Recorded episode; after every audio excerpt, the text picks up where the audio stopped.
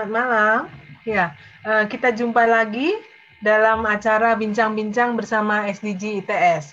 Ya, pada pertemuan kali ini kita akan berbincang mengenai uh, mengenai geowisata.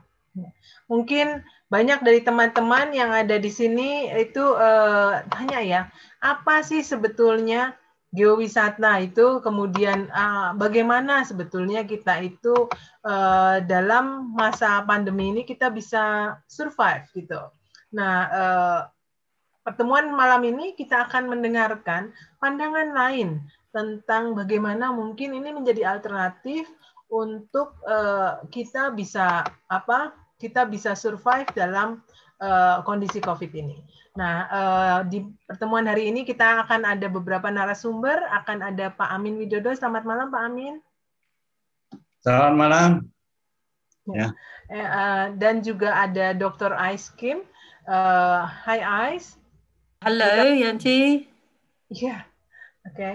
Ya, Dr. Ais Kim dari uh, University of South Australia dan juga ada dua mahasiswa ITS, yaitu Pahmi dari uh, Sistem Informasi ya.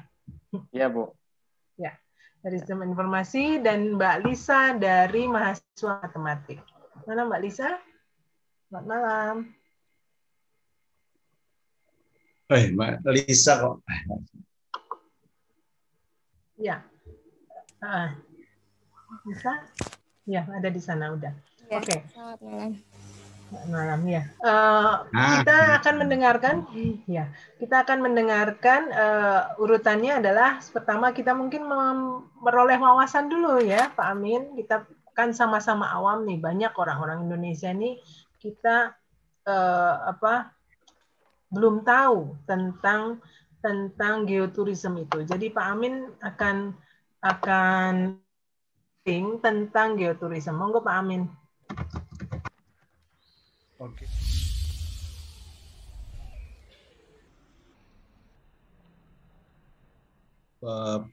Dari para pemirsa TV Desa dan selamat malam para narasumber pada malam hari ini. Jadi eh, malam ini saya akan eh, memberikan terkait dengan eh, geoturisme yang sudah mulai dikembangkan sejak 2015-an. Nah, kita sudah baru berkembang. Padahal di seluruh dunia sudah berkembang lama sebetulnya. Cuman ini uh, kita telat, tapi uh, walaupun begitu kita langsung uh, menuju ke internasional. Sudah ada uh, enam yang menuju ke internasional. Mungkin ini saya mau izin share, ya, mau presentasi. Jadi uh, ini presentasi saya pada malam hari ini sebenarnya uh, judulnya pengembangan geopark. Sudah kelihatan ya? Kelihatan Pak Amin, kelihatan. Oke, saya lanjutkan. Jadi uh, jadi selama ini uh, Indonesia ataupun di beberapa negara itu lebih banyak melakukan uh, eksploitasi sumber daya alam secara ekstraktif dan cenderung uh, tidak berkelanjutan. Jadi artinya ya begitu habis ya selesai. Dan itu uh, sekarang itu mau di paradigma itu dianggap sudah lama dan usang. Nah, mau diusangkan demikian. Jadi dan ini sudah mulai berhasil. Nah, pengembangan geopark membawa paradigma baru yang terlihat uh, awalnya tidak mungkin menjadi sangat mungkin sekarang dan menjadi tren dunia saat ini. Jadi uh, melalui konservasi melalui konservasi maka ekonomi inklusif justru makin mekar berkembang. Jadi ini adalah merupakan jalan baru menuju ekonomi inklusif berkelanjutan. Dan saat ini sudah di Indonesia sudah ada yang eh, mempunyai geopark yang mendunia. Ada enam. Nanti kita akan lihat eh, dan bagaimana dia eh, mengembangkan di wilayah itu menjadi sesuatu yang nanti sangat ber, apa namanya ber, berkaitan dengan Sustainable Development Goals. Jadi kita akan lihat itu. Dan melihat perkembangan itu, uh, ini pun peraturan presiden pun baru masih baru dia 2019. Jadi di beberapa negara itu sudah mempunyai banyak sekali geopark.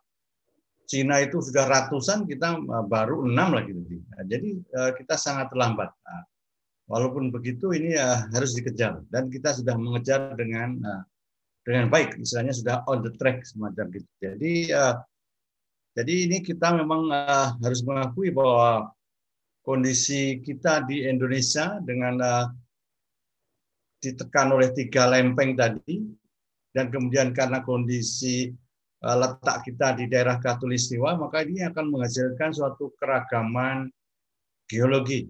Uh, ada geoheritage, kemudian juga ada keragaman hayati, biodiversity. Jadi itu uh, otomatis ada seperti itu. Dan satu hal yang uh, sebetulnya ini menjadi sangat uh, mestinya ini menjadi suatu modal dasar yang sangat besar adalah budaya. Nah, jadi karena banyaknya kepulauan, banyaknya budaya, nah, mereka mestinya mempunyai suatu uh, modal sosial yang sangat penting. Nah, itu semua disatukan dalam bentuk geopark. Awalnya memang sendiri-sendiri, jadi ada ekotourism semacam gitu ada cultural tourism. Nah, terus uh, ini ditambahkan, ini menjadi tadi inklusif tadi menjadi banyak uh, banyak disiplin ilmu dijadikan satu menjadi taman bumi yang menjadi uh, yang akan kita kembangkan bersama-sama nantinya seperti itu. Dan ini sudah ada komitenya, sudah ada uh, run rencana aksi nasionalnya, itu sudah uh, mulai nyata. Jadi, kita bisa lihat uh, perkembangan dari geopark itu menjadi sangat uh, menarik. Geoturism awalnya memang geoturism, nah, kemudian uh, disatukan oleh UNESCO, kemudian oleh Indonesia menjadi geopark atau taman bumi tadi. Jadi kita memang ini kondisi alamiah kita adalah karena kita terletak di daerah Ring of Fire tadi. Jadi otomatis uh, bahwa kita punya suatu apa keragaman geologi yang luar biasa di sini. Jadi ini bukan sesuatu yang harus ditakuti, tapi dia harus dijadikan uh, bagian dari uh, apa namanya heritage yang kita punya, geoheritage yang kita punya.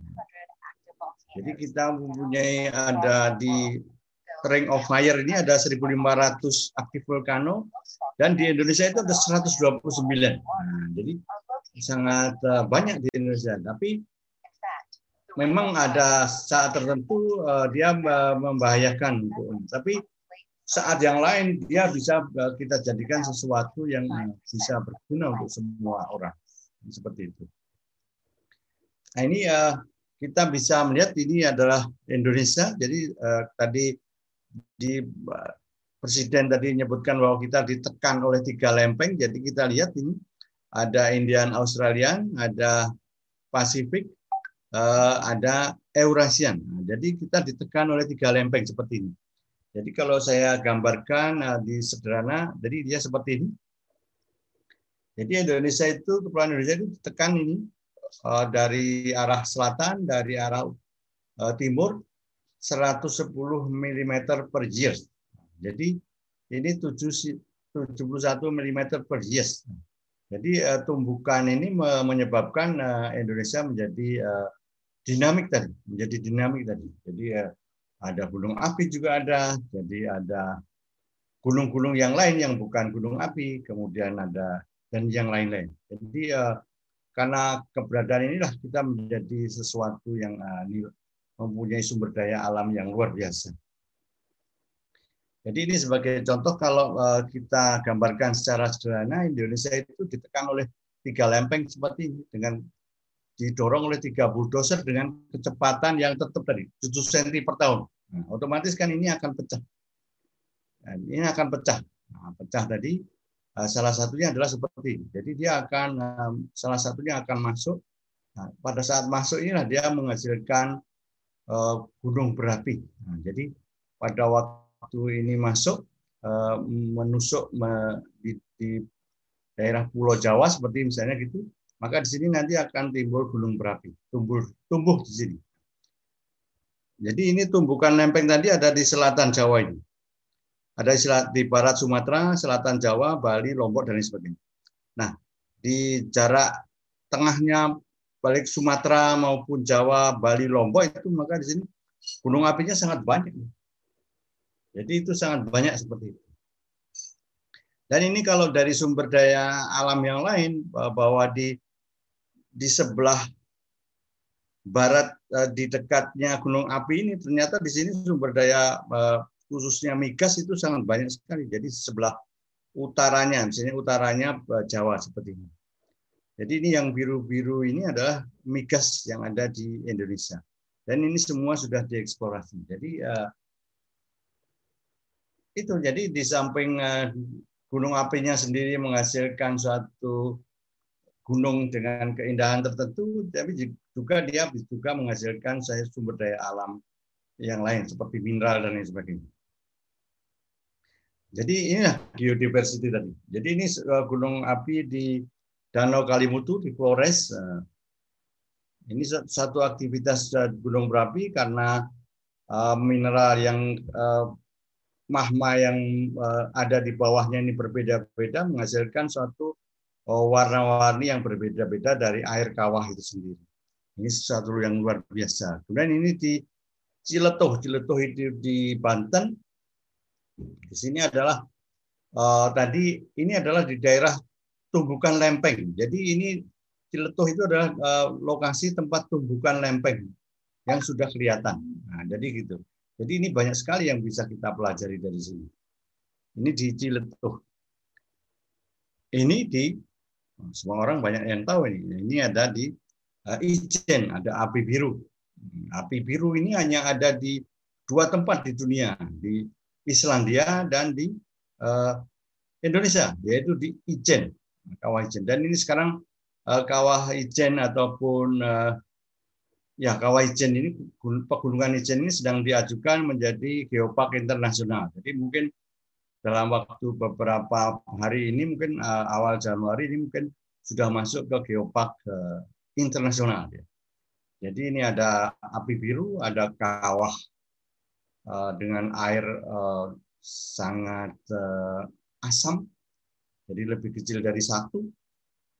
Dan ada orang-orang luar biasa yang bekerja mencari uh, belerang. Nah, seperti itu.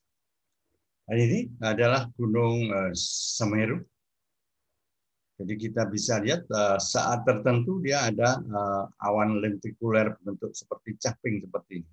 Ini di banyak gunung juga bisa seperti itu. Dan ini semua orang kalau pernah naik gunung ke Semeru maka akan uh, berkumpul di sini dulu sebelum naik ke atas di Randu Kumbolo. Dan ini Bromo mestinya sesuatu yang luar biasa karena uh, ada gunung berapi yang dikelilingi oleh lautan pasir. Nah, ini Gunung Sewu di Yogyakarta dan ini juga bagian dari uh, Geopark Internasional Gunung Sewu uh, Yogyakarta. Jadi uh, sampai sekarang sampai ke Pacitan sebenarnya. Jadi tidak hanya di Yogyakarta tapi sampai ke Pacitan. Nah, itu tadi yang terkait dengan tektonika. Sekarang kalau di Indonesia di kawasan tropis, jadi kita menjadi hal yang luar biasa di tropis. Uh, ada musim hujan dan ada musim kemarau. Dan kita semua tahu bahwa di daerah Katulistiwa itu adalah uh, daerah yang khusus, uh, daerah yang uh, berbeda dengan yang lain. Salah satunya itu adalah tumbuhnya reef, koral, coral reef ini bisa sangat banyak sekali di Indonesia ini, khususnya di ini dikenal dengan triangle, coral reef triangle. Jadi ada mulai dari Filipina, Timur Leste sampai Papua Jadi seperti ini. Ini adalah daerah-daerah yang eh, bisa tumbuh koral dengan baik. Nah, jadi seperti itu. Dan ini mestinya harus menjadi modal besar untuk kita harus dijaga seperti itu. Jadi coral reef yang ada di Indonesia ini ada di daerah Bali, ada Bali yang banyak juga. Kemudian uh, ini di Ini di Raja Ampat. Nah, jadi seperti ini juga di Raja Ampat. Nah, jadi kita bisa melihat ini adalah ini sama seperti di Gunung Sewu tadi ini uh, di Raja Ampat. Jadi ada gua-gua di bawahnya. Jadi itu pantai-pantai yang luar biasa yang ada di kita karena ini kondisi kita yang ada di daerah tropis tadi. Dan pantai Ora Sulteng seperti ini. Kemudian ini pantai Sawarna Banten. Jadi ada sisa-sisa batu ini dan ini menjadi sesuatu yang menarik karena uh, ini semua orang sekarang ini menjadi tempat-tempat wisata yang luar biasa. Dan ini apalagi yang ini di Belitung. Nah, jadi ini uh, sebagai dulu sebagai uh, syuting Laskar Pelangi itu menjadi sesuatu yang luar biasa. Dan dan kondisi tektonik uh, gunung berapi tadi dikaitkan dengan uh, kondisi uh, iklim, nah itu menghasilkan ini ya, banyak sekali pasir yang berwarna pink nah, seperti itu. Ini adalah salah satu hasil produk dari aktivitas gunung berapi ataupun aktivitas dari uh, coral reef yang ada di sekitarnya. Ini uh, bisa kita lihat. Ada yang warnanya putih, ada yang warnanya pink, seperti itu.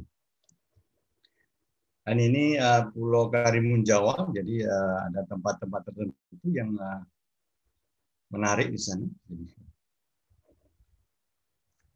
Nah, tentunya setelah kita lihat kita di daerah tropis, maka salah satu hal yang modal besar sekali itu adalah biodiversity. Memang penelitian di kita ini perlu digalakkan terus-menerus. Jadi kita mempunyai biodiversity yang luar biasa banyak karena kita di daerah tropis tadi. Maksudnya kalau ada penelitian secara intensif akan menghasilkan eh, banyak sekali biodiversity yang kita miliki di Indonesia. Dan apalagi tadi kultur, jadi ada banyak budaya eh, itu menjadi sesuatu yang eh, lain. Nah kita dari ITS sebetulnya salah satu yang sedang kita kembangkan, tapi ya terkait dengan kultur ini adalah teknologi zaman dulu. Nah, jadi ya nanti kita mau me, me, melakukan uh, penelitian terkait dengan teknologi yang dimiliki orang-orang dulu. Bagaimana mereka membuat keris, bagaimana mereka membuat bangunan seperti Borobudur dan lain sebagainya. Itu yang kita pelajari terkait dengan uh, teknologi zaman dulu. Ya, jadi kultur itu tidak hanya dilihat dari uh, budayanya saja, tapi juga kita mau lihat uh, teknologinya sehingga nanti kita mau menawarkan nanti apa istilahnya itu wisata teknologi zaman dulu nah, semacam itu yang nanti kita tawarkan nah ini Indonesia memiliki uh, geopark. Jadi internasional sebenarnya ada enam. Jadi ada tambah Lombok kemudian ada tambah satu lagi di Sumatera juga. Uh, ini lagi proses ya. Jadi ada Toba dan juga ada uh, di uh, Bojonegoro, agak ada Toba. Nah, ini sudah menjadi uh, geopark internasional. Yang sekarang lagi proses itu adalah uh, Bojonegoro, Maros Pangkep ini. Uh, oh, Pulau Belitung ini kalau saya Pulau Belitung ini menjadi uh, sudah internasional, sudah menjadi internasional. Dan ini adalah destinasi pariwisata prioritas dalam RPJMN 2020-2024. Ini dari Bapenas. Jadi sudah eh, menyebutkan lokasi-lokasi yang akan menjadi tempat wisata. Jadi ini salah satunya kalau di Jawa Timur ada Bromo Tengger Semeru, ada Banyuwangi dan lain sebagainya. Tapi di mana-mana ini semua sudah disiapkan untuk tinggal masing-masing daerah ini bersolek ke ria sehingga uh, orang mau uh, berdatangan ke tempat tersebut. Nah, ada satu hal ini mungkin uh, pesan kita dari karena saya mempelajari tentang ancaman tentang bahaya geologi bahwa di khususnya di daerah pantai itu uh, sebagian besar memang uh, rawan tsunami dan dan memang harus dicari uh, solusinya yang besar bersama. Jadi ada sejarah gempa besar di daerah uh, pantai selatan, uh, baik pantai selatan Jawa, kemudian dia juga ada sejarah uh, tsunami yang ada di pantai selatan. Jadi saat ini uh, banyak sekali orang berkerumun, uh, istilahnya itu menikmati keindahan pantai-pantai yang ada di uh, di daerah di seluruh daerah. Tapi kawasan itu ternyata ada rawan tsunami. Dan ini menjadi sangat penting kalau ada koordinasi antara pengelola, kemudian uh, pemanfaat yang ada di situ, misalnya dari uh, sektor kuliner, hotel dan lain sebagainya, dan juga uh, pendatang apa pun wisatawan itu sendiri. Jadi harus ada koordinasi sehingga nanti pada saat ada suatu eksiden ataupun ada ancaman tadi, ada tsunami, mereka tahu apa yang harus dilakukan. Dan kita bisa melihat dari tsunami yang pernah terjadi di Indonesia itu sebagian besar uh, masyarakat uh, tidak tahu bahwa itu tsunami. Jadi memang uh, butuh uh, apa namanya pendidikan terus menerus. Dan ini bisa harus dan ini sudah di, di apa namanya sudah dijadikan satu dari dengan geopark ini. Jadi di sini melindungi warisan yang ada di di kita dan juga di sini juga disebutkan terkait dengan uh, uh, manajemen bencana. Jadi seperti itu. Jadi ini yang uh, yang bisa kita berikan. Jadi ya ini sumbangan pengembangan geopark dan SDGs itu uh, banyak sekali uh, yang sudah uh, misalnya bisa dimatchkan di antara geopark dan uh, SDGs. Mungkin demikian dari saya. Bu Janti, Assalamualaikum warahmatullahi wabarakatuh. Terima kasih banyak Pak Amin. Apa uh, nanti kita akan dengarkan juga ya teman-teman untuk uh, berikutnya. Kita akan ada ya. sesi. Uh, nah sekarang mungkin uh, kita panggil nih. Ternyata ada Lisa dan Mas Fahmi ya Fahmi. di sini ya. yang uh, latar belakangnya ini kan bukan pariwisata gitu. Bagaimana sebetulnya kita itu meskipun latar belakangnya bukan pariwisata ternyata bisa berkontribusi. Ayo kita lihat uh, video mereka. Halo guys, ini dia kawasan wisata Danau Kolin di Bangka Belitung.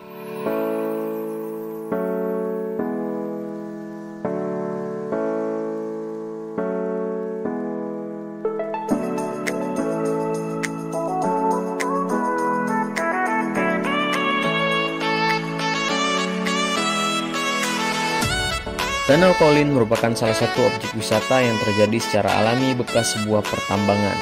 Danau yang disebut-sebut mirip dengan yang ada di Islandia ini terletak di Desa Nibung, Kecamatan Koba, Bangka Tengah, Provinsi Bangka Belitung.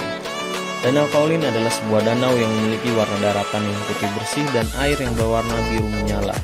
Danau Kaolin memang cantik, tapi faktanya kecantikan danau ini adalah salah satu wujud alam yang sudah dirusak. Danau ini merupakan danau yang terbentuk di area-area bekas penambangan kaolin. Air yang tertampung di dalam lubang-lubang bekas pertambangan kaolin tersebut diperkirakan berasal dari air hujan dan mata air yang berada di dasar bekas lubang galian pertambangan itu sendiri. Warna biru terang yang terlihat di danau tersebut adalah pengaruh dari kandungan mineral yang terdapat pada tanah di area lokasi bekas penambangan kaolin tersebut. Fasilitas di Danau Kaolin sangatlah lengkap, terdapat WC umum, musola, dan banyak tempat makan yang dapat digunakan sebagai tempat berteduh. Untuk masuk ke sana cukup murah, Anda hanya perlu membayar Rp2.000 per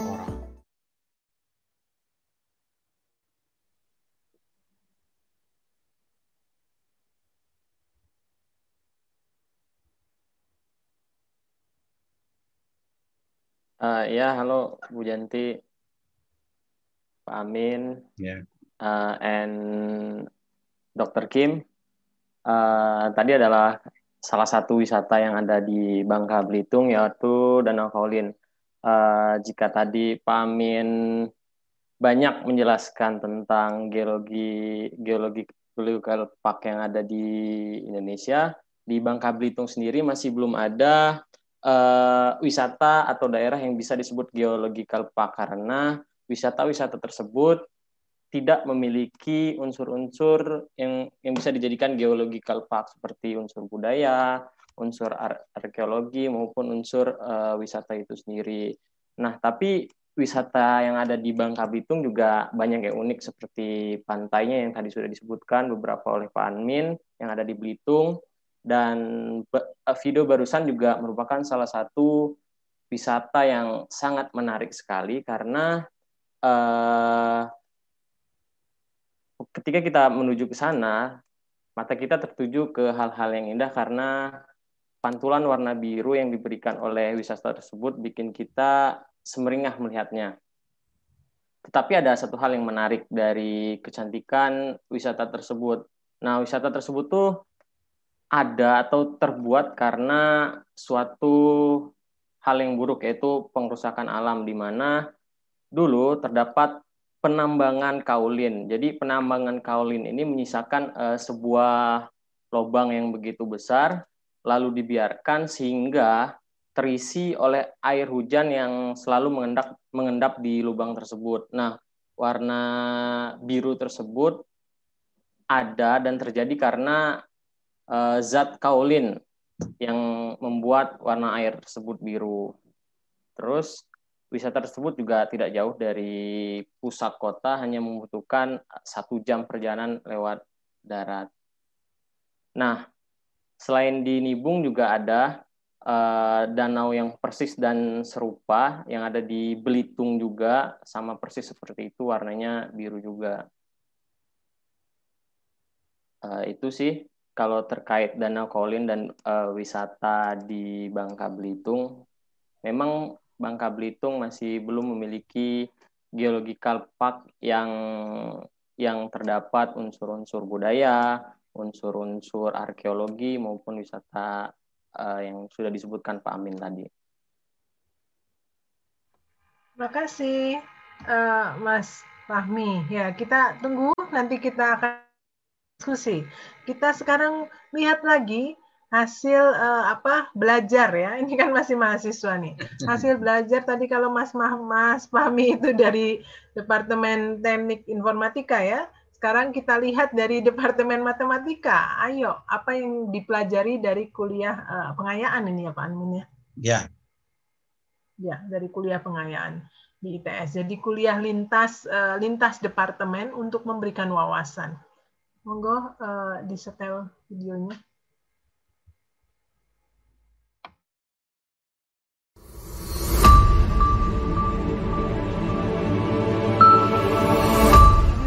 kedua video yang video video kan ada video Mbak Lisa. Duduk rotok.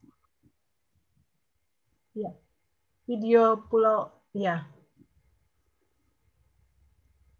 Gunung Kelotok Kediri.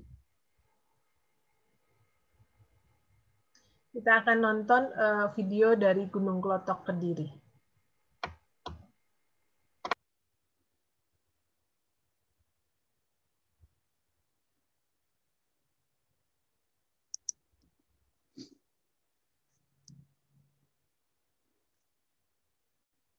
Oke, uh, kita sambil ini dulu ya, skip dulu ya, biar kita uh, dengarkan dulu. Kalau gitu, kita sambut Ibu Ais. Uh, hai Ais. Hai. Hai. ya. Hai Ais ya. Uh, kita bersyukur malam ini kita bisa belajar dari uh, Dr. Ais Kim. Dr. Ais Kim beliau adalah ahli di bidang uh, pariwisata, khususnya wisata-wisata alam, termasuk uh, wildlife dan sebagainya di Australia. Jadi beliau aslinya orang Korea, suka bawa muridnya jalan-jalan ke Korea. Sekarang kita tangkap biar berhenti dulu di Indonesia gitu ya. Uh, yeah, so I, I said that uh, you normally you are Korean, so normally you take your students to Korea from Australia. So yeah, so I said that maybe from this event, then you can put stop in Indonesia and continue to Korea. So you explore different type of different type of geotourism. So uh, jadi uh, teman-teman uh, sahabat desa, hari ini kita akan uh, mendengarkan Ibu Ai sudah mempersiapkan materinya. Kita akan uh, tonton dulu apa uh, materi beliau. Ya.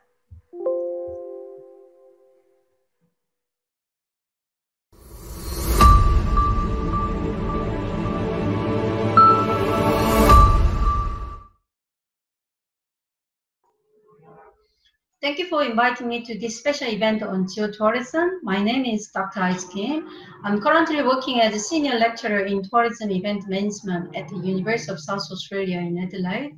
My teaching and research interests are mostly oriented with nature-based tourism and ecotourism, geotourism, as well as food wine tourism.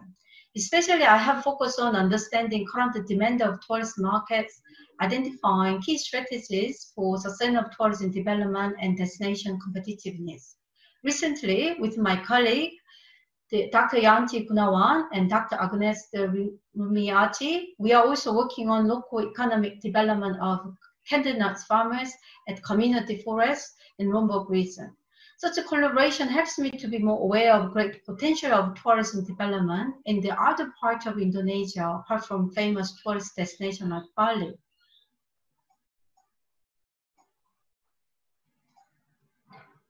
Today's topic is on geotourism is quite essential, especially as many tourism destinations suffer from COVID-19 crisis at the moment. Today, I will briefly present the geotourism potential as an alternate way to recover from the COVID-19, especially targeting domestic market in Indonesia. I will discuss further suggestions to develop appropriate products and activities for existing nature-based tourist markets and new active geotourist market in the future. There are many of the iconic landmarks around the world, such as Uluru Rock in Australia, Giant Crystals Cave in Mexico, or Grand Canyon in USA, as you can see in these photos. Traditionally, these destinations attract a large number of nature-based tourists or adventure tourists over the long period of time. And many of us are very familiar with nature-based tourism or ecotourism terminology. However, geotourism or geological tourism is relatively new to many tourists at the moment.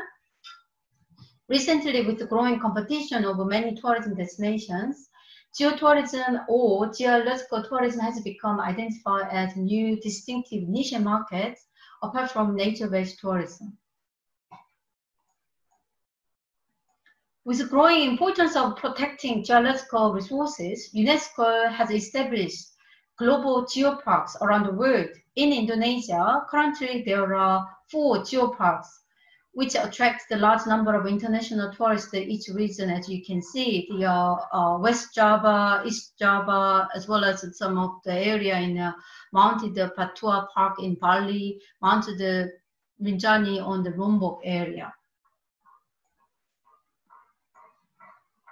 One of the most famous geotourism destinations in Indonesia would be Blue Volcano, East Java. However, due to COVID-19 travel restriction, many destinations need to find uh, alternate way of overcoming the economic crisis and attracting new domestic market to the region because many international tourists are not coming uh, to the, the Indonesia at the moment. Geotourism could provide another platform to expand the diverse tourist market and create the new destination image instead of relying on general natural environments such as landscapes or wildlife. And also geotourism can help start um, not to rely on the seasonality, let the problems. It could expand it all year round of the tourism development as well. Geotourism is a relatively new term in the market, although, although all kinds of geological resources have been promoted under nature-based tourism.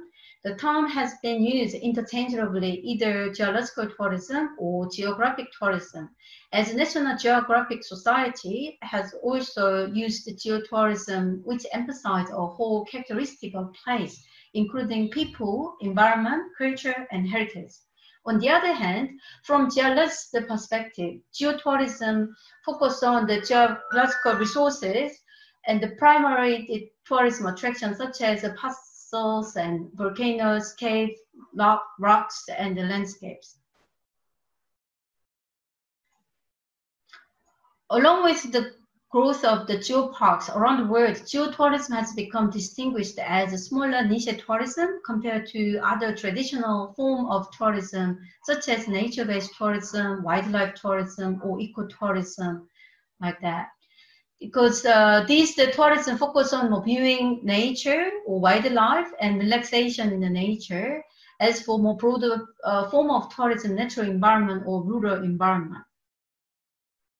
So basically, geotourism can be quite different from this uh, traditional style of the tourism because they can also associate with uh, geoparks and also emphasize the geological feature, which is can be quite different from general landscapes like that. As you can see, there are well-known geotourism destinations around the world because of their famous unique geological features. Some of them rely on rocks, some of them because of famous because of fossils, and personally, I like the visiting caves or geological sites like the Narakotek Caves, Kangaroo Islands, uh, remarkable rocks in South Australia, Niagara Falls in Canada, and also Jurassic Coast, uh, uh, Dorset East Devon area of England in the UK. And the, um, for me, also, I conducted uh, several research projects in the geotourism destinations such as Jurassic Coast, southwest coast area of England as part of my PhD research, and another case study site, Flinders Range, the South Australia. In today's presentation, I would like to briefly introduce how these geotourism destinations overcome their shortcomings and develop new tourism, uh, the branding for geotourism markets in order to attract the new market to the, these destinations. In England, traditionally southwest coastal area attract mostly local beach tourists or seaside resort tourists. However, these tourist destinations also slowly experienced this uh, slow decline in its popularity as there were the growing competition from cheaper overseas holidays. As for repositioning their destinations, this area come up with the idea of promoting more quality short breaks and special interest holidays and developing new geotourism activities. As geotourism can appeal to all year round without much of being influenced by seasonality in this coastal area. They also promote the fossil collecting activities for family markets and education tourists in this area because the, uh, the fossil collecting activities are safe in the beach area, they are allowed to collect the in, uh, fossils in beach area before the big wave that can take all the fossil away, which was can be easily discovered from the cliffs. And um, however, they also encourage the tourists to avoid collecting fossils near the unstable cliff area because it's kind of uh, very dangerous. The cliff can collapse at any time.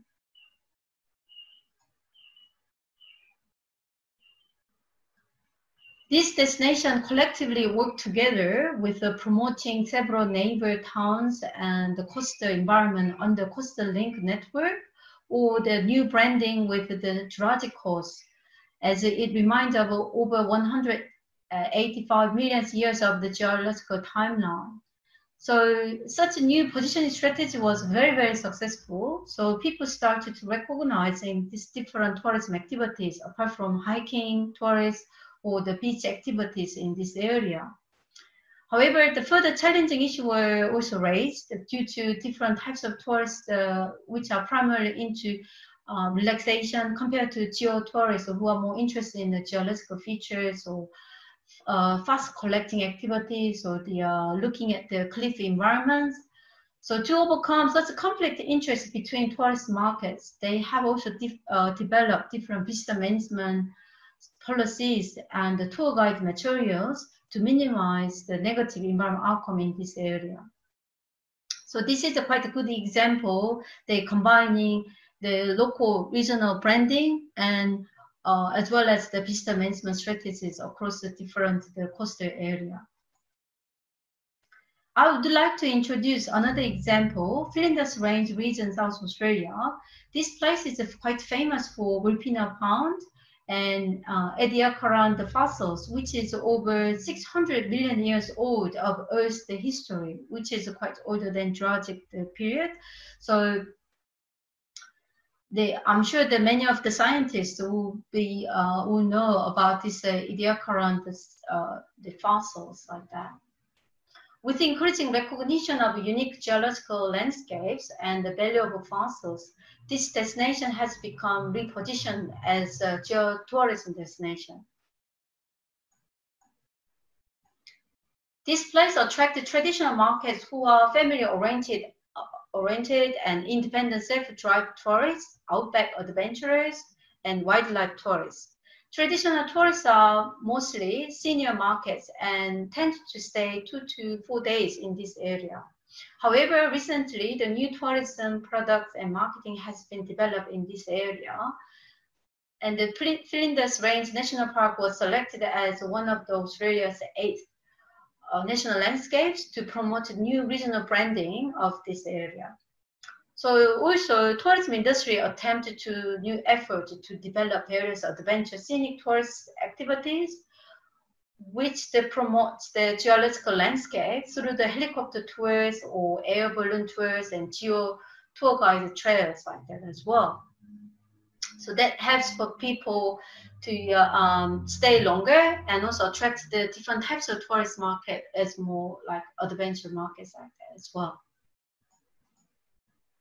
So with the new effort to attract diverse markets, three major markets can be targeted with different strategies, including activity learning focused geotourists and passive nature-based geotourists and general nature-based tourists.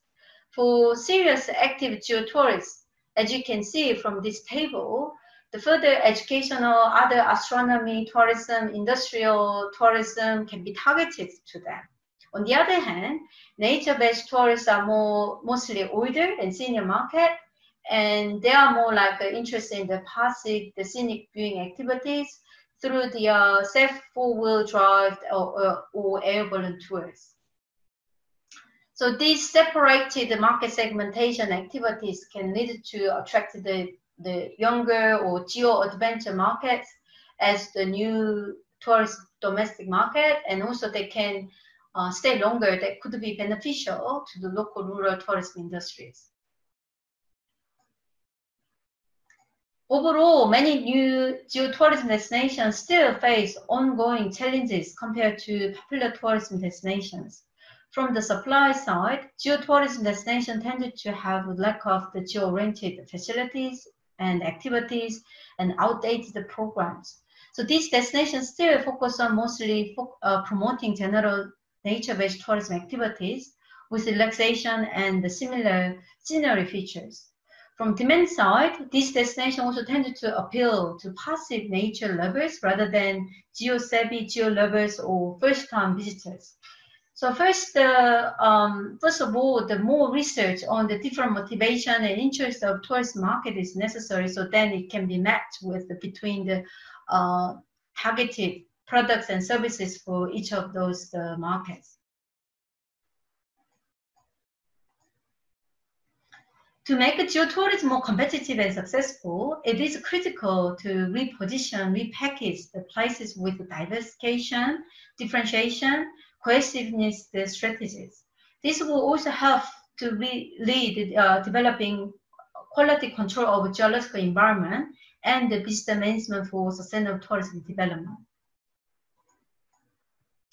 it would be more economically uh, feasible to generate the multi-interest tourist experience through the modifying initial values of uh, the tourism site and the broader feature of the products for both existing domestic nature-oriented tourists and the potential geotourists, rather than emphasizing only the single minority niche uh, market-based attractions. So as you can see, the active-based marketing strategy can be useful to separating the serious geo-tourists who, who would be more interested in geo-learning oriented and uh, versus the casual geo-enthusiasts who are more less critical about geo-activities, but they like to have a more uh, different types of uh, nature and the mixture of the geo-tourism experience for that as well. For differentiation strategies, it is important to develop rebranding of geological feature with the story of the how the local people associate with uh, um, these places. And so this value and uh, story can differentiate themselves from other general sceneries and natural habitats like that. It is also required to identify the different local resources, culture, and history, which can be targeted to meeting different demand of international tourists versus uh, uh, domestic tourists. Especially domestic tourists can be more actively encouraged to get involved in local geo-oriented events or education activities like that. Many of the famous tourism destinations rely on one single destination's iconic attractions. This will have a limitation for expanding local economy development. Therefore, it is important to develop geo-route, geo-oriented network through the connecting several geological sites or the multiple tourist attraction rather than just uh, relying on the single destination. This will help uh, to um, for tourists to stay longer in the region and they could lead to maximizing economic benefit to the tourism industries. Overall, I emphasize marketing and the product development strategies for geotourism development. However, geotourism destination cannot survive without protecting good quality of geological resources. Therefore, it is uh, essential to ensure implementing sustainable business management strategies, which could encourage responsible tourism activities without damaging geological environment. So education and industries, the geotourism certification is also critical for successful outcome as well. There are, as I mentioned, there are four the famous geoparks in Indonesia. There will be much more potential to connect the, all these uh, um, local geosites with these famous geoparks um, considering different states' uh, strategy for the um, supply and the demand perspectives. So there will other actions will be required to uh, um, identify the further strategies from the supply side for the more the distinguish the product development from de uh, demand side, more different types of target market segmentation strategies for that. Thank you for the listening to this presentation. To overcome these uh, COVID-19 challenges, it would be great to see more successful tourism destination development through the active involvement from new potential local geotourism sites in the future. Thank you, Dr. Ice. Yeah. Thank you, Dr. Ice, for um, presenting, like sharing the experience from other countries and giving us uh, more insight about how to develop uh, geotourism. Ya, jadi terima kasih Ibu uh, Dr. Ais untuk sharing ya bagaimana sih mengembangkan geowisata di luar negeri sana. Jadi apa yang bisa kita pelajari di sini. Nah, uh, kita juga masih punya nih satu mahasiswa, mahasiswa ITS tadi, uh, Lisa dari uh, matematika. Monggo, Lisa. Ya, perkenalkan saya Lisa dari Matematika. Di sini saya akan bercerita tentang wisata yang ada di Kediri. Saya share dulu videonya.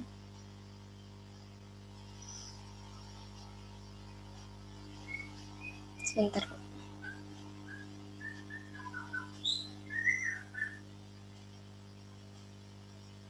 belum masuk?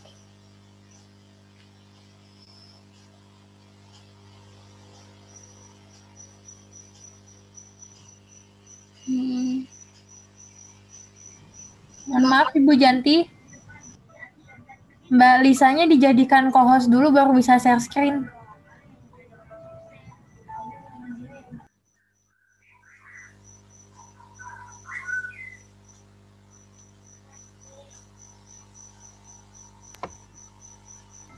Oke, dicoba Mbak Lisa. Hmm, ya, sebentar.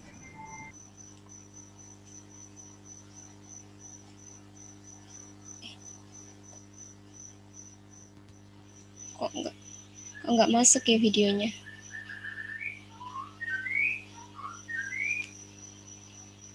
Maaf ibu nggak nggak bisa ibu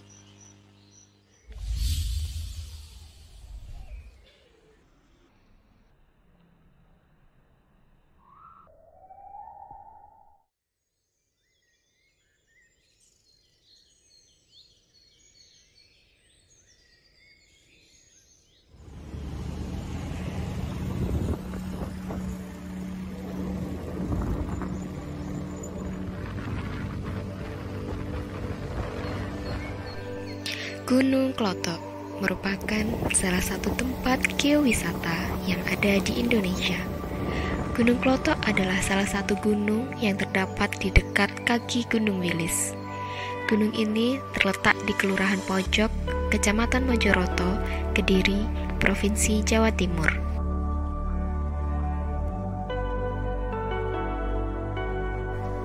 Gunung ini memiliki ketinggian kurang lebih 536 mdpl. Gunung ini merupakan gunung api tipe C yang erupsinya tidak diketahui dalam sejarah manusia, namun masih terdapat tanda-tanda kegiatan manusia masa lampau. Di gunung ini terdapat tiga gua, yaitu Gua Selo Mangkleng, Gua Selo Bale, dan Gua Pandidian. Gua Selo Mangkleng adalah gua batu yang sengaja dibuat oleh manusia, bukan gua yang terbentuk dari proses alam. Di sini juga terdapat pura yang bernama Pura Penataran Agung Kili Suci.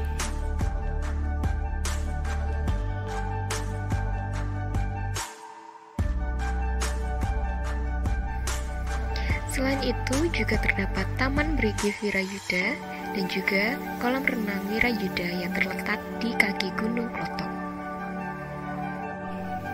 Di sini kita langsung bisa menikmati pemandangan gunung sambil bermain air dan berenang.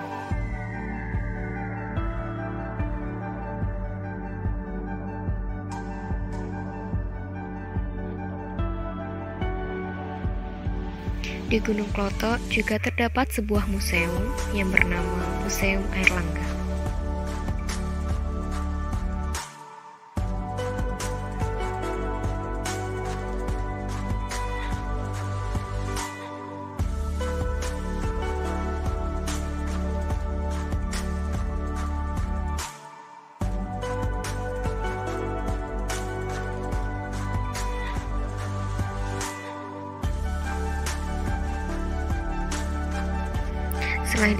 juga terdapat peternakan rusa yang di sini kita bisa memberi makan rusa dengan kangkung yang dijual di sana dengan harga 1000 satu ikat.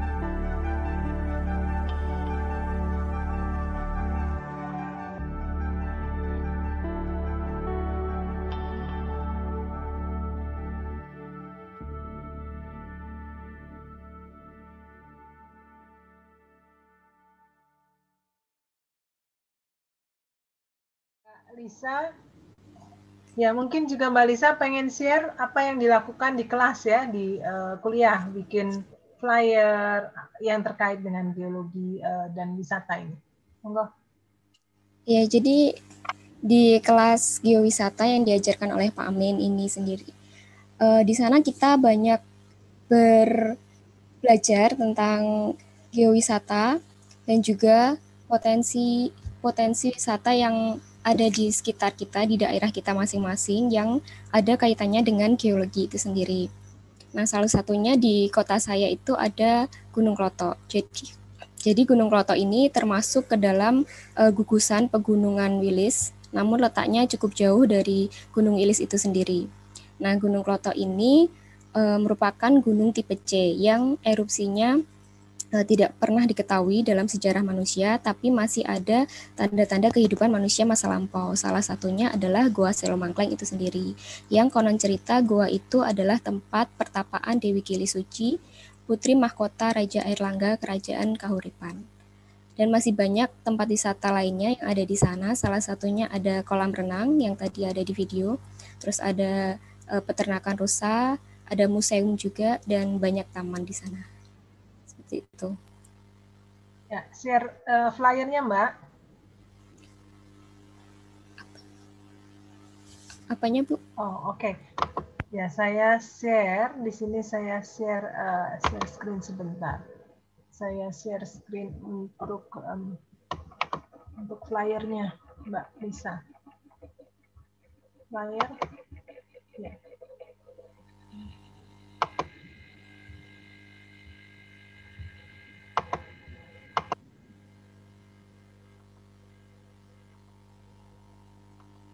Ya, ini ya, ini adalah uh, contoh ya yang dilakukan oleh uh, mahasiswa. Monggo, Mbak Lisa. Ya, jadi ini kemarin membuat buklet yang bertemakan uh, wisata yang ada di daerah dan juga potensi uh, bencana yang ada di sana dan cara antisipasinya. Bawah Ibu. Jadi ini introduction dari Gunung Kloto itu sendiri yang tadi ada di video juga. Lalu ini ada wisata-wisata yang ada di sana. Dan ini yang informasi bencana sekitar. Jadi kami dapatkan dari uh, aplikasi Inaris. Jadi uh, potensi bencana yang ada di Gunung Kloto itu sendiri ada tanah longsor, COVID-19 dan juga gempa bumi. Nah, di Inaris sendiri juga ada uh, cara untuk menanggulanginya untuk Nah, ini ada tanah longsor jadi kita diajarkan di sini apa yang harus kita lakukan kalau misalkan ada tanah longsor. Ke bawah, Ibu. Lalu juga ada COVID-19, ada rekomendasi sebelum terjadi dan sesudah itu sudah lengkap banget di sana. dan ini gempa bumi. Jadi kalau misalkan sebelum terjadi gempa bumi kita harus ngapain, setelah terjadi gempa bumi harus ngapain, saat terjadi juga harus ngapain itu udah jelas sekali di sana. Ya, oke itu ya udah ya kayaknya. Ya ini ya. akhir. Ya, terima kasih uh, Mbak Lisa. Ya, uh, jadi para sahabat desa di sini kita sudah lengkap ya, sudah mendengarkan nih apa namanya uh, presentasi dan dari teman-teman sekalian. Uh, kita ada di sesi tanya jawab sekarang. Saya ingin uh, menyampaikan ada beberapa pertanyaan ini, Pak Amin. Ini dari Ibu Agnes. Mau bertanya apa sih kriteria suatu kawasan bisa layak dijadikan geopark nasional Kemudian Ibu uh, Ibu Rizky juga tanya, siapa yang berkewenangan untuk menetapkan mengelolanya itu juga harus dengan siapa? Uh, terus untuk Ibu Ais, sesudah Pak Amin, Ais, uh, there's a question for you. Uh, who manage the geotourism in Australia? How do they work with the community? What type of arrangement? Yeah. Uh, after, is... after Yeah, depending on the destination. Yeah, no, no, no, no. Uh, ice, ice. Wait, wait, wait, wait. We will give uh, Pak Amin first, and then you will answer your question. Ya. Yeah? Oke. Okay. Pak Amin, monggo Pak Amin. Oke. Okay. Biar dia mikir dulu. ya. ya. Jadi uh, kalau di Geopark itu sudah uh, ada ketentuannya. Jadi uh, ada Komite Nasional Geopark Indonesia (KNGI) itu sudah ada Nah itu yang uh, dia berwenang istilahnya uh, uh, nanti menilai dan lain sebagainya. KNGI terdiri dari ESDM, pariwisata, uh, dan Bapenas. Uh, ada empat, coba ada, tadi ada gambarnya ada empat tadi. Jadi ada empat yang menentukan. Tapi yang pertama yang sangat menentukan itu adalah dari uh, badan geologi tadi, dari apa namanya? Yang menentukan uh, istilahnya geo, geopark itu seperti apa. Jadi pertama yang ditentukan itu adalah menentukan geosite. Jadi menentukan lokasi-lokasi secara geologis dan dia mempunyai hubungan dengan uh, keterkaitan dengan geodiversity, uh, biodiversity dan cultural diversity.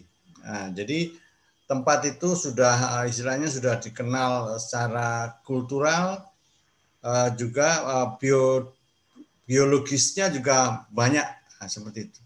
Uh, ini sebagai contoh misalnya ini yang sekarang lagi rame itu misalnya di Gunung Kidul.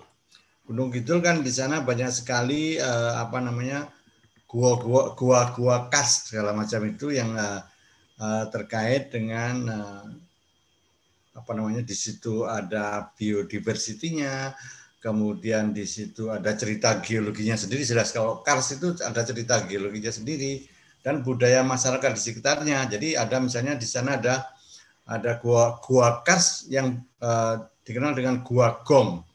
Jadi ya masyarakat di sekitar itu uh, memanfaatkan uh, stalaktit dan stalagmit tadi untuk uh, bermusik ria dengan uh, masyarakat. Jadi dipukul dong dong. Jadi namanya gong. Jadi dipakai untuk uh, uh, bernyanyi gamelan dan sebagainya. Seperti itu. Itu yang terjadi. Salah satunya adalah seperti itu. Nah, tadi kalau yang menentukan yaitu pertama adalah dari Badan Geologi, jadi Dinas ESDM. Nah, kira-kira gitu. Tapi urutannya gitu. Geosite, Geoheritage, terus baru Geopark terakhir. Oke, Mbak, meski uh, tingkat nasional maupun tingkat internasional ya Pak ya, ya. Semuanya ya, itu lewat. Ya, tingkat internasional juga sama. Jadi nanti uh, ada nilai internasional di situ yang misalnya kayak api biru di Ijen itu kan hanya ada di dua tempat nah, maka dia sudah mulai hanya ada di situ satu-satunya. Jadi ya itu layak diajukan menjadi uh, internasional tadi. Ada tim nanti yang menentukan jadi harus unik banget gitu Pak Amin ya, nah kalau betul. sudah yang terlanjur ya oke okay. nanti pertanyaannya saya nanti eh, terkait sama uh, yang mahasiswa tadi kalau yang sudah terlanjur rusak gimana ya Pak itu contoh yang rusak tadi nah. punyanya Apahmi tadi. Jadi Danau Kaoli ya. itu adalah bekas itu nggak mungkin jadi nggak mungkin jadi geopark. Oh, Belitung sekarang sudah jadi geopark ini yang harus diketahui. Sudah geopark internasional itu Belitung sekarang. Baru saja. Jadi tiga hari yang lalu. Jadi Belitung mungkin Apahmi belum tahu. Nanti kita beritahukan. Jadi ya, jadi sudah tiga hari yang lalu sudah jadi ya, Geopark Balitong internasional Kenal ya karena Belitung cantik sekali. Ya, ya uh, terima kasih Pak Amin atas ya. apa uh, pencerahannya. Ya. Uh, kita akan masuk ke Ibu Ais. Ais, we have questions for you. Yeah, who manages the geopark? Yeah, they, depending the on the location because and, at the moment in Australia, there are several geoparks, especially in South Australia. The Narakot Cave in South Australia is also selected as one of the geoparks. And so it's um, the, each location, of course, they have their own the local um, national park authority, and they're working with the UNESCO Geopark Authority together, and they have their own the visitor management policy and strategies. And so then they can also develop the how they manage visitor behaviors as well as interpretation. So but in australia mostly they deal with the large size of the territory and land. So it's a bit hard for them to manage all of those geological resources. But they um, rely on the uh, um, obviously it's like uh, multiple sources like including um, the uh, local park rangers and the local communities, as well as the, the information sources like that. And so apart from that, I, the, let me let me translate it. Ah, let me translate it. Sorry. Yeah. I forgot. yeah. ya, uh, jadi saya terjemahkan dulu. Tadi uh, kita bertanya kepada Ibu Ais, Uh, siapa yang mengelola geopark. Jadi kalau di Australia itu geopark itu memang relatif tempatnya itu luas gitu wilayahnya. Jadi nggak satu kecil-kecil-kecil gitu kan. Itu wilayahnya luas dan memang sudah ada standarnya dari UNESCO. Ya, uh, mereka mematuhi apa bagaimana cara pengelolaannya, siapa yang harus uh, menjaga di sana, siapa saja yang terlibat termasuk Pak Ranger. Pak Ranger itu uh, itu loh petugas apa anu apa petugas hutan ya Pak ya, Pak Amin ya, apa hmm. eh, seperti itu. Jadi yang penjaganya ya, eh, termasuk mereka dilibatkan semua eh, pemangku kepentingan. Eh, itu jawabannya, tapi belum selesai ini penjelasannya. Yeah, you can continue, Ais. Yeah. So the communities uh, involved is either like as a part of the tourism association group or the regional development Australia, the local authority working together. um, so then they can involve in the uh, promoting geological the attraction as part of the tourism activities or they um, they have also it's like marketing activities like that. So recently, Australia selected eight different the landscapes which are outstanding uh, compared to other places. So they have their national level of the branding of geotourism destinations, including Flinders Ranges, Kangaroo Island, of course, Little Rock, like that. So they have that kind of a, a national level of uh, involvement of the marketing of the geotourism places. And also they have a regional or state level. So they're working with the tourism uh, organizations like the South Australian Tourism Commission or Department of uh, uh, the environment and water, and also the uh, local level, the communities, the group, or the tourism association group, or the local tourism, the uh, um, operators like that. So they, they have a diff- like three different level of uh, you know organization, and they involve the quite different way in terms of the promoting geotourism branding and marketing, as well as the managing visitors uh, activities like that. Yeah. Thank you, Ais. Ya, uh, Bapak Ibu uh, kerabat desa di sini, jadi Ibu Ais menjelaskan, kalau di Australia, uh, di Australia itu sekarang ada delapan apa uh, geoism yang yang di, uh, di apa dibangun ya secara strategis. Nah, di sana mereka menetapkan bagi tugas gitu. Pemerintah nasional sama sebetulnya hampir sama ya seperti kita eh, pemerintah nasional melakukan promosi branding yang lebih strategis, kemudian pemerintah regional tuh provinsi berarti kan yang melakukan uh, apa juga pendekatan-pendekatan untuk mengajak lembaga-lembaga yang ada di uh, daerah, misalnya asosiasi tadi yang disampaikan, kemudian juga perkumpulan-perkumpulan uh, yang ada yang terkait dengan pariwisata. Dan berikutnya adalah di tingkat lokal melibatkan perkumpulan masyarakat-masyarakat lokal di sana. Ya. Yeah. Any other message, Ais? What do you think about Indonesia? When we have lots of islands separated, how do you see us? Um, I think that there are a lot of potential the, mm -hmm. for the geotourism development.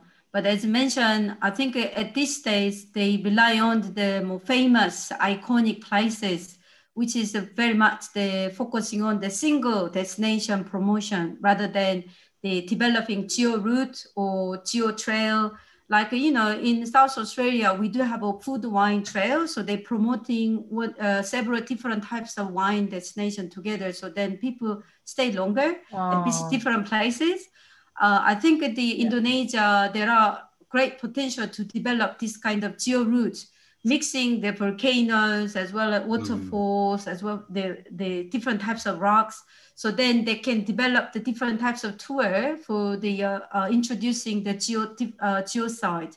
Because as uh, I think uh, Amian's uh, presentation, he showed the four different geoparks, but within that, he said another seven different geoparks as well. So that means that they, they can link with those the local geoparks or even geosites together, and that will develop the, the strong the geotourism branding like that the, through the uh, linking several different places. So there are great potential yeah. for the developing geotourism marketing. Thank you, Ais. Ya, uh, Bapak Ibu sahabat desa, kita saya tadi tanya sama Ibu Ais, uh, gimana pandangannya tentang Indonesia gitu ya. Jadi respon beliau adalah uh, kalau di Indonesia nih kayaknya promosinya tuh masih terputus gitu, sendiri-sendiri. Padahal kalau di Australia yang dilakukan adalah ada jalurnya gitu, dibuat uh, saling terkait antara satu tempat ke tempat lain itu bekerja sama. Sehingga orang bisa datang itu dia berkunjung ke berbagai tempat yang mencipta yang membuat mereka tuh tinggal lebih lama di satu daerah itu kan. Jadi uh, misalnya dari sekarang ini di di apa di Indonesia ada empat geopark. Nah itu harusnya tuh dikaitkan. Dari satu tempat bisa ke tempat lain. Bisa saja kombinasi dari apa geowisata. Misalnya geowisata geologi kemudian air terjun uh, sejarah dan sebagainya. Itu uh, saran beliau yang sangat uh, bagus ya. Ya, Pak Amin ingin menambahkan Pak Amin? Kita ada enam geopark internasional UGG tadi. Ada enam. Jadi empat tadi ditambah Toba, Toba, Danau Toba, dan Belitung. Belitung itu yang baru saja tadi terjadi. Jadi ada enam ya. sekarang internasional. Sedangkan yang proses yang uh, sedang pengajuan itu adalah izin. Nah, diharapkan akhir tahun ini mungkin dia sudah uh, dapat internasional. Dan itu satu-satunya okay. di Jawa Timur. Oke, terima kasih Pak Amin. Ya, uh, berikutnya ini untuk mahasiswa ini, Mbak Lisa maupun Mas Fahmi. Ini ada pertanyaan apa yang di kalian pelajari? Kan pendidikannya lain tuh kan matematika kok sekarang jadi masuk uh, geowisata. Tapi sebetulnya kontribusi dari anak-anak ini kan sungguh luar biasa ya kalau saya melihat. Uh, nah apakah juga melihat satu pertanyaannya adalah apa yang dipelajari kok kok bisa kok bisa ke wisata? Kemudian yang kedua adalah uh, apakah mungkin jadi uh, di hire mbak? Mungkin malah jadi uh, apa apa namanya tadi dia bilang jadi uh, petunjuk wisata itu loh tour guide daerah guide, guide. untuk menceritakan ya guide daerah guide daerah untuk membantu seperti Mbak Lisa dari Kediri membantu pemerintah daerah Kediri untuk bikin paket-paket wisata geologi. Mas uh, Pahmi mungkin membantu wisata di daerah uh, Belitung tadi ya. Uh, apa tanggapannya? Monggo.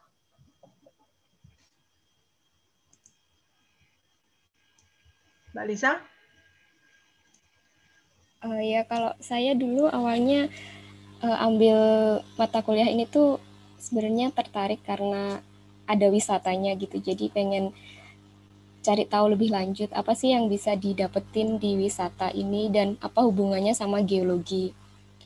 Dan ternyata banyak sekali yang dapat diambil dari mata kuliah ini. Ya mungkin seperti yang Ibu katakan bisa jadi target mungkin siapa tahu. Gitu ya. Oke, meskipun tadinya uh, matematika backgroundnya ya, jadi ternyata kalau kita bisa saling mengkombinasikan ilmu tuh jadi sesuatu paket yang yang kaya ya, kan kan ceritanya dari kacamata yang berbeda. Uh, uh, kalau Mas Fahmi gimana tuh dari teknik apa dari sistem informasi? Oh iya Ibu, uh, hmm sama sih tadi seperti Mbak Lisa, ketika saya ngelihat label wisata, saya menjadi lebih tertarik untuk uh, mendalami lebih dalam karena saya sendiri orang yang suka uh, berwisata ke alam, ke gunung, ke pantai maupun tempat-tempat yang menarik gitu Bu. Nah kalau dilihat dari kaca uh, akademis, saya sendiri kan sistem informasi, sementara apa yang saya pelajari di kuliah tersebut adalah uh, tentang wisata, bagaimana pemanfaatan wisata yang baik dan benar, wisata itu bagaimana sih dari kalau dari kacamata akademis uh, kita sendiri bisa membuat sebuah sistem atau aplikasi uh, yang bisa dimanfaatkan untuk wisata tadi. Misalnya uh, aplikasi tersebut bisa membuat di, dijadikan guide secara digital oleh wisata-wisata luar tentunya. Sehingga kalau pun wisata luar belum mendapatkan tour guide daerah, dia bisa uh, melihat minimal menggunakan sebuah aplikasi dari data-data tersebut. Jadi dia tahu arahnya dia mau berwisata ke mana. Nah kalau dari dari diri saya sendiri, uh, saya tertarik kepada wisata karena uh, saya sendiri adalah seorang yang suka di bidang entrepreneur, apalagi uh, di bagian pemanfaatan wisata untuk daerah-daerah tertentu. Jadi saya harus tahu gimana sih wisata, uh, eh, pariwisata yang baik dan benar dan pemanfaat pemanfaatannya agar uh, istilahnya tidak ilegal atau tidak tidak menyebabkan masalah hukum lah istilahnya Bu. Gitu sih kalau dari ya. saya. Oke, terima kasih. Menarik ya. Jadi kita mungkin malah dari SDG ini kita bisa bekerja sama, Mas. Kita dengan Pak Amin ya, Pak Amin. Siap, kita menawarkan sama-sama ini anak-anak ini kita manfaatkan untuk memberikan kontribusi uh, pengembangan geowisata di Indonesia. Uh, Pak Amin, ini masih ada waktu uh, eh, 15 menit. Mungkin uh, apa sebetulnya yang bisa di, uh, dirancang kalau di tahap-tahap awal ini beberapa daerah kan masih mereka di daerah sendiri masih terbatas ya Pak. Hmm. Apa yang uh, disarankan untuk pengembangan pariwisata uh, dengan dengan segala tantangannya? Ya. Jadi sebetulnya yang uh, ya. ini suatu tantangan yang baru seperti saya sebutkan tadi ini adalah satu uh, istilahnya suatu jalur ekonomi inklusif yang baru. Tapi memang uh, sebagian besar masih belum bisa melihat ini. Jadi ini sangat tergantung. Jadi uh, tadi sangat tergantung daerah itu sendiri. Dalam hal ini adalah pemerintah daerah, baik bupati, wali kota maupun uh, gubernur. Jadi kalau mereka tidak tertarik terkait dengan ini, ya memang itu tidak akan berkembang dengan baik karena itu harus uh, dilakukan uh, secara istilahnya itu banyak pihak. Uh, di samping uh, pemerintah sebagai motornya tapi juga masyarakat yang ada di sana harus segera diberdayakan.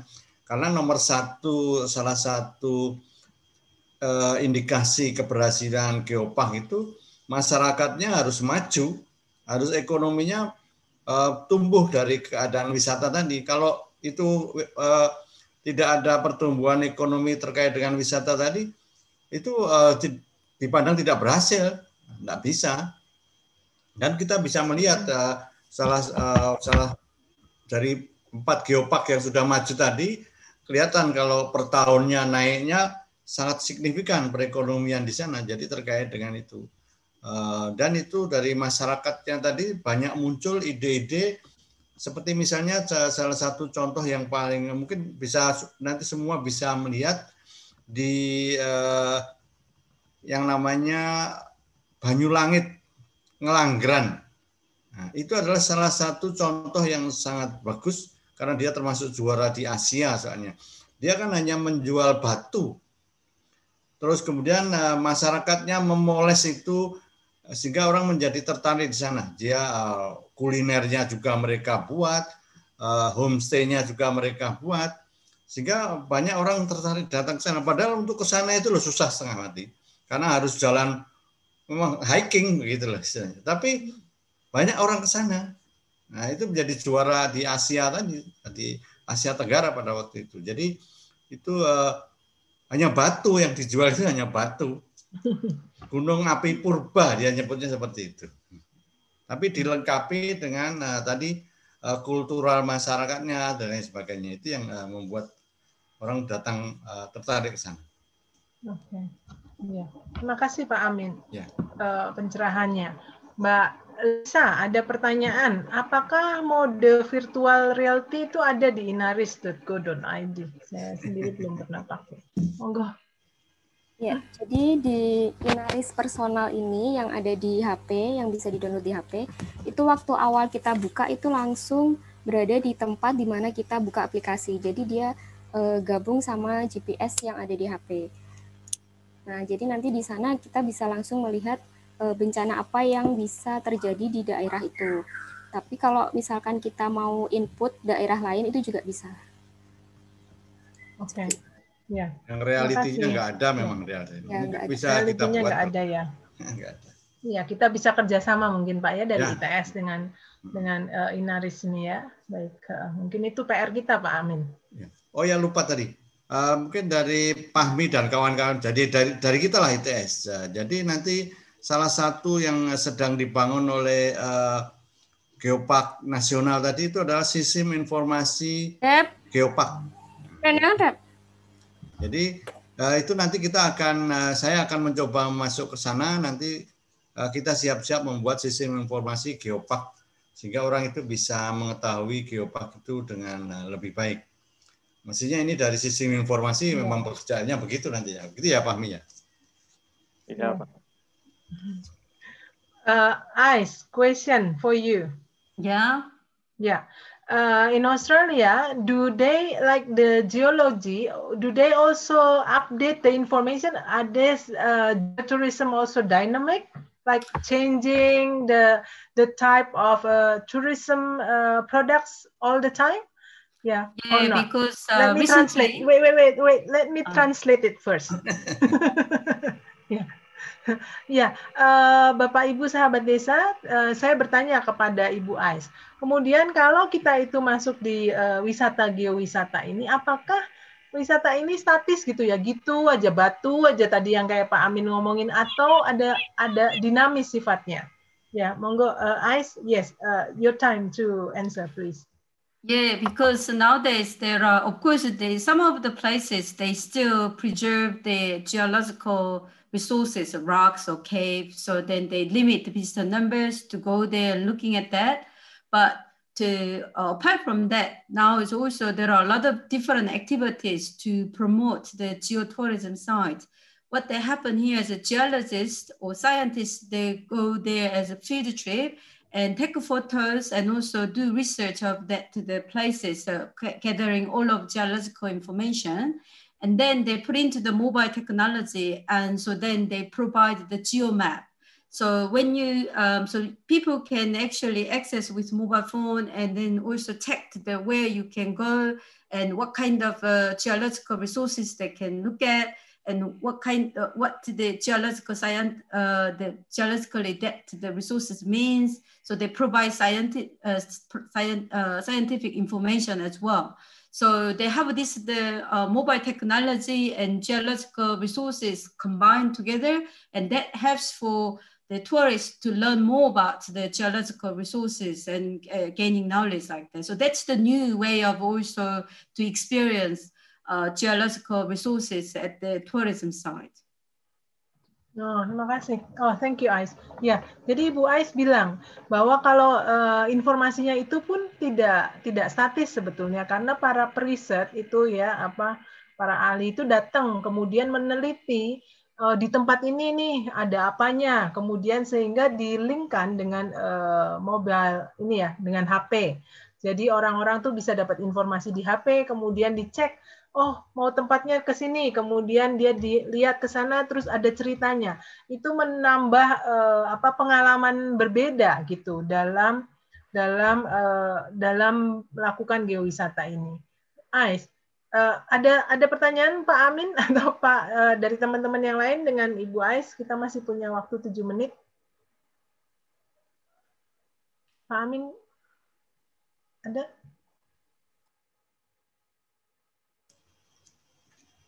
Uh, for ICE, uh, uh, we, we need cooperation with ICE Team Australia, especially to develop uh, uh, geopark, especially in East Java. we try to develop geopark especially in Majapahit. We, we want to develop Majapahit to uh, part of the geopark in national especially. Uh, uh, Sometimes we, we, we try to discuss about it. Ya, oke. Okay. Ya, uh, Pak Amin menawarkan untuk uh, bekerja sama ya dengan AIS. Yeah, I, we will talk uh, more. yeah, that would the... be great. It would be great. I mean, to discuss well, together, we can learn from okay. each other because uh, yeah. uh, yeah. been working on this more South Australia related geotourism destination, but happy to share with you okay. some of your case yeah. studies from South Australia or England like that, and for East Java's yeah. geotourism development. Yeah. Thank okay. You. Thank you. Thank you. Oke, ya terima kasih Ibu Ais atas keterbukaannya ya agar kita bisa bekerja sama lebih jauh. Uh, pertanyaan berikutnya, uh, Ais, this is also question for for you and also for Pak Amin probably ya. Geowisata oh, geowisata ini sepertinya punya segmen pasar sendiri karena mengandung unsur edukasi geologi. Pengelolanya tentu saja nggak sembarangan lembaga ya, apalagi kalau dengan model pemberdayaan uh, ini Ibu Rizky takut malah tidak sustain. I uh, I translate this question and Pak Amin will answer the same question the same question for you and for Pak Amin ya. Mm. Uh, geowisata geotourism is uh, have niche like unique market target market for geologists or uh, someone who like to learn about geology. So uh, it seems that the management is not like not usual uh, tourism management. It's it's kind of someone or a kind of institution that have knowledge on it. So because if not, if we uh, at the moment in Indonesia we use the like uh, community empowerment, like the the local community we empower them and then we de develop like ask them to uh, help them to develop the uh, uh, like tourism group Yeah? Yeah. But it seems that this type of geology uh, tourism, geotourism, need a kind of different uh, skills, different knowledge for for uh, managing this. Uh, what's your view? So Pak Amin will answer first, and then you will you will have your time. Ya, yeah? oke. Okay. okay. Pak Amin, tolong jawab pertanyaannya. Ya. Okay. Jadi uh, uh, tidak demikian. Nah, maksudnya itu uh, memang uh, basic dasarnya itu adalah geosite tadi. Ada lokasi geologi yang khusus tadi. Terus kemudian di situ ada biodiversity yang harus diperhatikan. Kemudian juga ada kulturalnya, uh, budaya yang ada di situ. Itu harus uh, bagian yang tidak boleh terpisahkan. Jadi kalau kita hanya melihat geosite saja tadi mungkin orang jadi wah ini mungkin nggak menarik tapi setelah ada uh, itu tadi uh, ada kultural ada biodiversity dan lain sebagainya itu menjadi menarik. Uh, jadi uh, menjadi berbeda. Jadi bukan satu, satu. Makanya tadi yang uh, komite nasional tadi terdiri dari pariwisata ESDM uh, Kementerian Pak Luhut itu Kementerian Kemenko itu juga maritim. uh, Kemenko Maritim juga ada uh, dari Bappenas jadi uh, tidak satu satu dari banyak banyak banyak pihak istilahnya begitu. Uh, sebagai contoh tadi itu contoh sederhana tadi itu uh, mungkin ibu nanti bisa lihat uh, gunung api purba itu lihatlah itu sesuatu yang lain. Jadi itu ada dari masyarakat Gunung Kidul yang punyanya gunung aja batu, tapi dia bisa menjual uh, sesuatu yang luar biasa. Jadi orang banyak ke sana. Dan orang di daerah itu juga mengembangkan diri sebuah orang supaya mau datang ke situ terus. Nah, seperti itu. Nah, itu aneh. Tapi mungkin hmm, tapi mungkin berarti uh, perlu backup ya, Pak. Perlu perlu dukungan mungkin dari perguruan tinggi gimana kita uh, membantu mereka untuk mengawal mentransfer uh, pengetahuan ini, Pak, sehingga mereka bisa terus bisa mandiri tapi di, dibantu gitu. Ya, memang iya, butuh sangat butuh. Jadi untuk melihat cerita uh, istilahnya teknologinya dan sebagainya tadi cerita geologinya itu kan butuh uh, perguruan tinggi jadi Peran, harus uh, kombinasi jadi uh, masyarakat dan ya, perguruan tinggi dan hmm. pemerintah daerah harus harus ada Yeah, terima kasih Pak Amin. Yeah. So, Ais, your time. yeah, I think uh, for this, depending on the, the, what types of information we can develop the, for tourists, tourists are not really interested in like learning about the very much the scientific information about geology.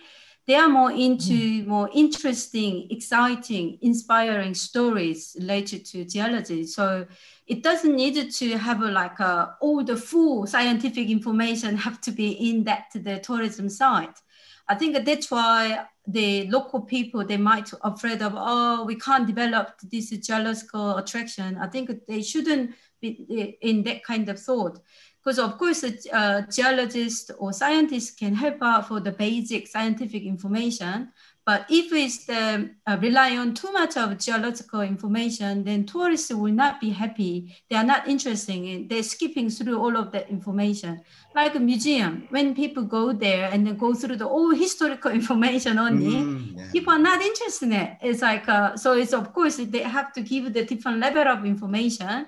Uh, but the uh, also community can get involved how to uh, packaging that information in more bit more friendly, inspiring, and entertaining way. So in that the way, is a community play important role because community use the geological resources in their as a part of their daily life. So we can talk about the how communities uh, um, worshiping that the, the you know like strange looks of the rocks, how they utilize the cave, what kind of myth, the story there in relation to that cave, and so how local people uh, associate with that place. So community can get involved in so many different ways to make that, that place is very much interesting and more culturally connected to that place as well, rather than only geological scientific information.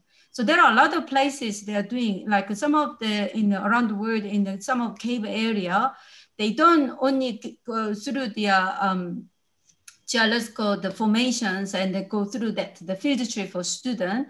They do have also the restaurant uh, inside the cave. They have a little music concert. They have festivals and also the community get involved to engage with that kind of uh, event related activities. And in in uh, uh, uh, like in Australia, in Darwin, uh, their national park, they have a rocks and Aboriginal people they have the rock painting on the rocks. So they talk about this the Aboriginal people's connection to that the geological the rocks as well. So in that sense, the, um, the communities and geologists, the scientists can get involved together and then they can make the decision on the, the level of the information and make the more interesting and in, uh, inspiring way like that. Thank you, Ais. Ya, uh, tadi Ibu Ibu Rizky ya, terima kasih atas pertanyaannya. Jadi Ibu Ais bilang jangan khawatir, jangan khawatir uh, bahwa nggak perlu ahli geologi semua dalam tim mem untuk mempromosikan pariwisata geowisata ini karena uh, sebetulnya kalau semuanya modelnya tuh kayak skripsi gitu ya mengerikan. Jadi malah orang nggak baca.